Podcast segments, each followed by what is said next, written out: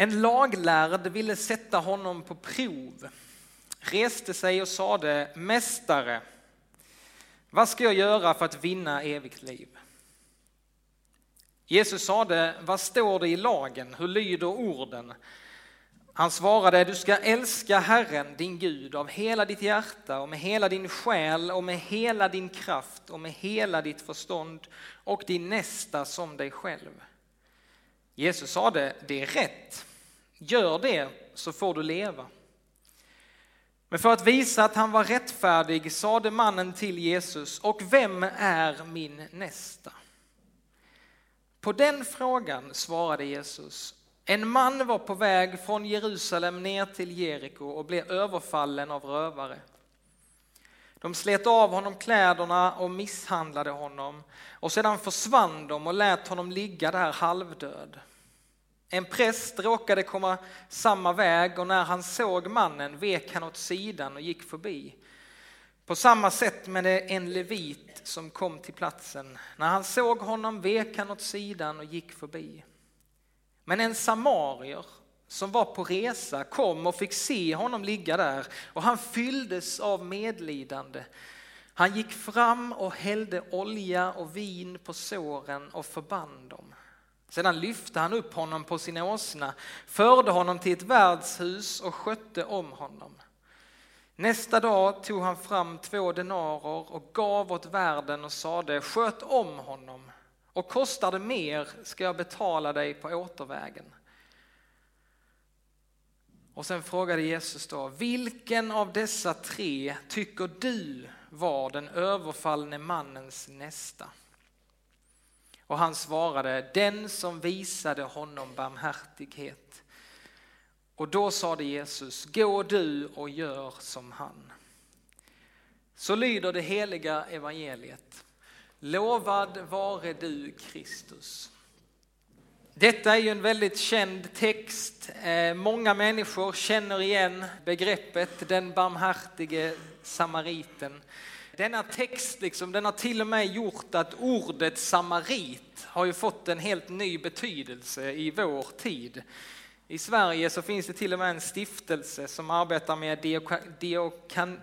diakoni som kallar sig för Samariterhemmet. Alltså en samarit idag, det är ju detsamma som någon som visar omsorg och tar hand om andra.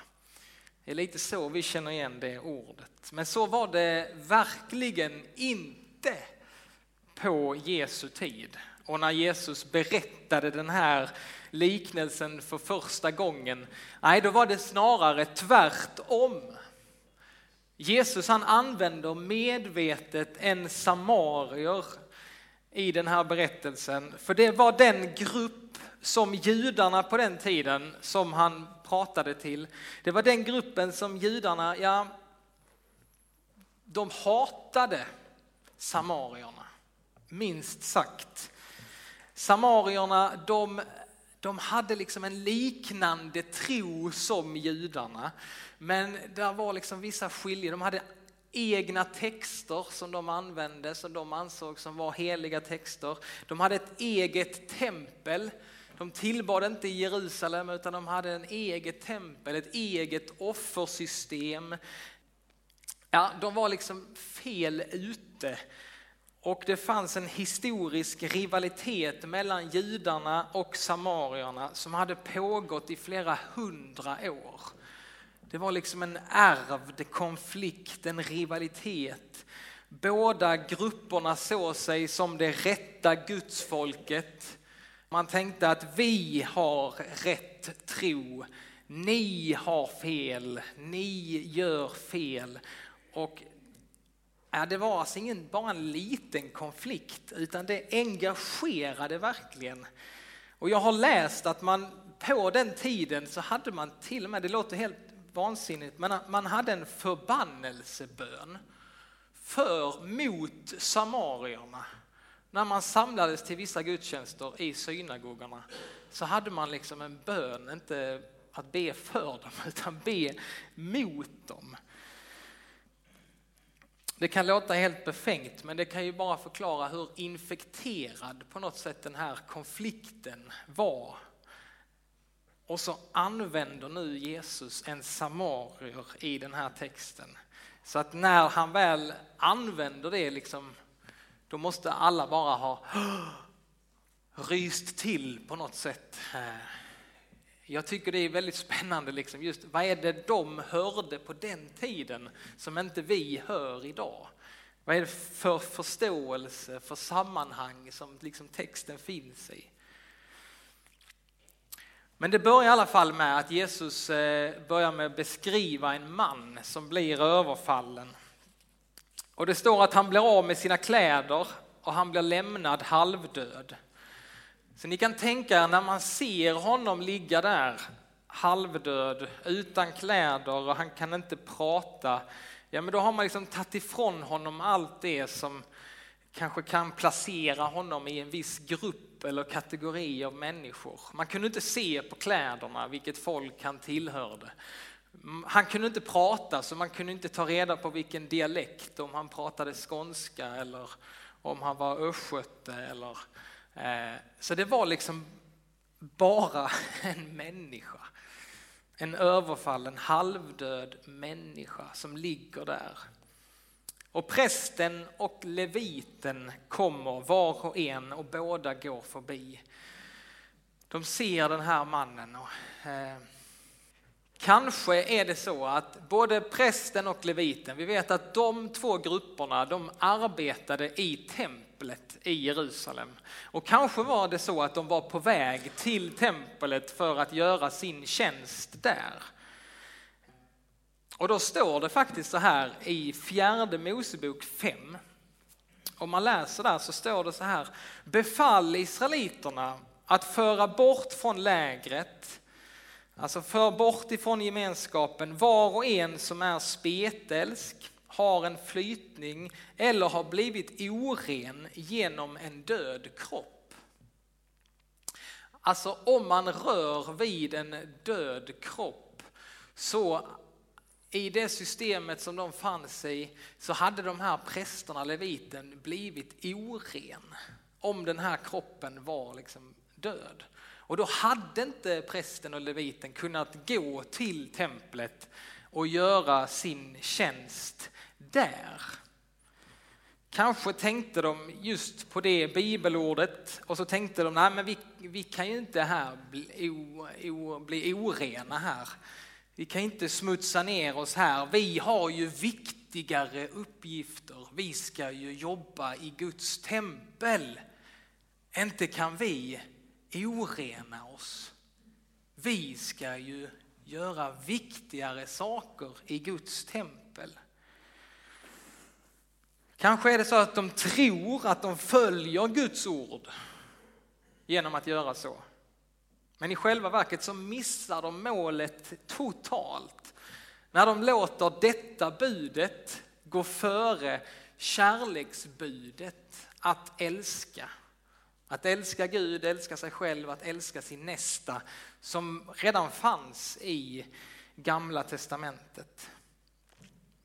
Det står ju så här Paulus skriver i första Korinthierbrevet, ja tänk om ni känner alla hemligheterna, ni har hela kunskapen och tänk om jag har all tro så att jag kan flytta berg men saknar kärlek, ja då är jag ingenting. Om jag delar ut allt jag äger, om jag låter bränna mig på bål men saknar kärlek har jag ingenting vunnet. Så prästerna, de borde ha vetat bättre. Leviten borde vetat bättre. Med den kunskap de hade i skriften så borde de ha gjort annorlunda och inse att det finns faktiskt bibelord som är viktigare än andra bud. Och så kommer Samarien. Jag tror eh, den här laglärden, när Jesus drar in en samarier i bilden, han bara, nej men varför ska du dra in samarier? Och vi vet, vi har hört vad han gör. Han häller olja och vin i såren. Han lindar om såren, han lyfter upp honom på sin åsna och för honom till värdshuset och fortsätter där att sköta om honom. Och han betalar priset för den okände mannen, en helt okänd människa. Och Jesus frågar den laglärde, vilka av dessa tre tycker du var den överfallne mannens nästa? Och den laglärde svarade, och jag tror han har till och med svårt att ta ordet samarier i sin mun, för han säger bara den som visade honom barmhärtighet. Han kan inte ens ta ordet samarier i munnen utan han säger den som visade honom barmhärtighet var den här mannens nästa. Och då sade Jesus, gå du och gör som han. Gå du och gör som han. Som den här samarien gjorde. Och här skulle vi kunna stanna. För vissa av oss så behöver vi stanna här. Det är obekvämt, det är ransakande, det är utmanande för oss. Vilka är det jag går förbi? Jesus frågar oss det. Vilka bör vi visa barmhärtighet mot? Kanske är det de i din närhet som du har allra, allra svårast med. Vem är det?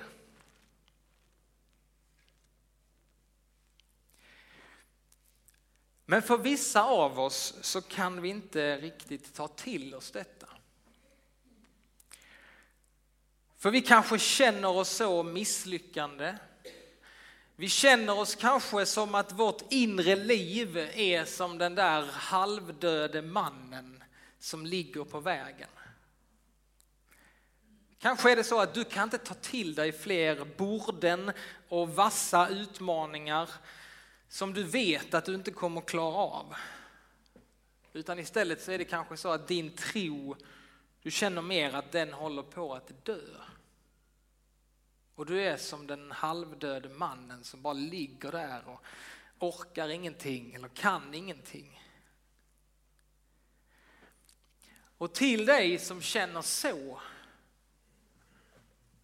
ja till dig, då är Jesus den barmhärtige samariten för dig. Då är han den som vill smörja dig med olja. Han vill linda om dig, han vill lyfta upp dig. Han vill ge dig att äta och dricka vid hans bord. Han är den som har betalt allt för din skull. Och just nu så vill han bara ta hand om dig och hålla om dig. Allt det du behöver göra för Gud, allt det du behöver göra för Gud, det har Jesus gjort för dig. Innan du gör något så är du någon i Guds ögon. Det är det vad dopet handlar om, det är det, vi får, det är det som får vara grunden i våra liv. Att vi är någon innan vi gör något. Om vi inte lyckas liksom prestera eller klara av alla de här borden och måsten som vi kan uppleva i tron, så vill ändå Gud bara ta emot oss, berätta för oss vem vi är. Och jag vet inte var du befinner dig just nu. Vissa av oss behöver kanske den här sparken i baken och ja, kom igen nu. Vissa av oss orkar inte det. Och vi behöver bara ta emot själva av Guds barmhärtighet.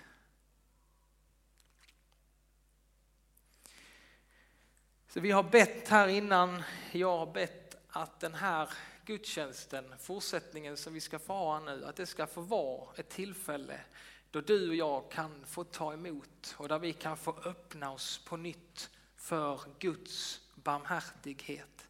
Han är den barmhärtige som är här för att hela dig, för att lyfta upp dig, för att bära dig, för att smörja dig med sin olja, för att ge dig att äta. Berätta för dig att du är mer värd än allt guld i världen.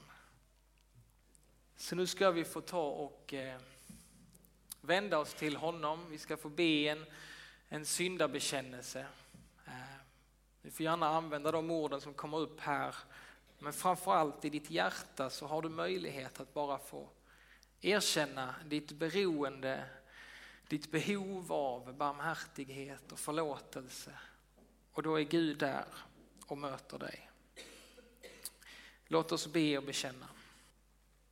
Barmhärtige Gud, du som i Kristus öppnar vägen till dig och utplånar världens alla synder.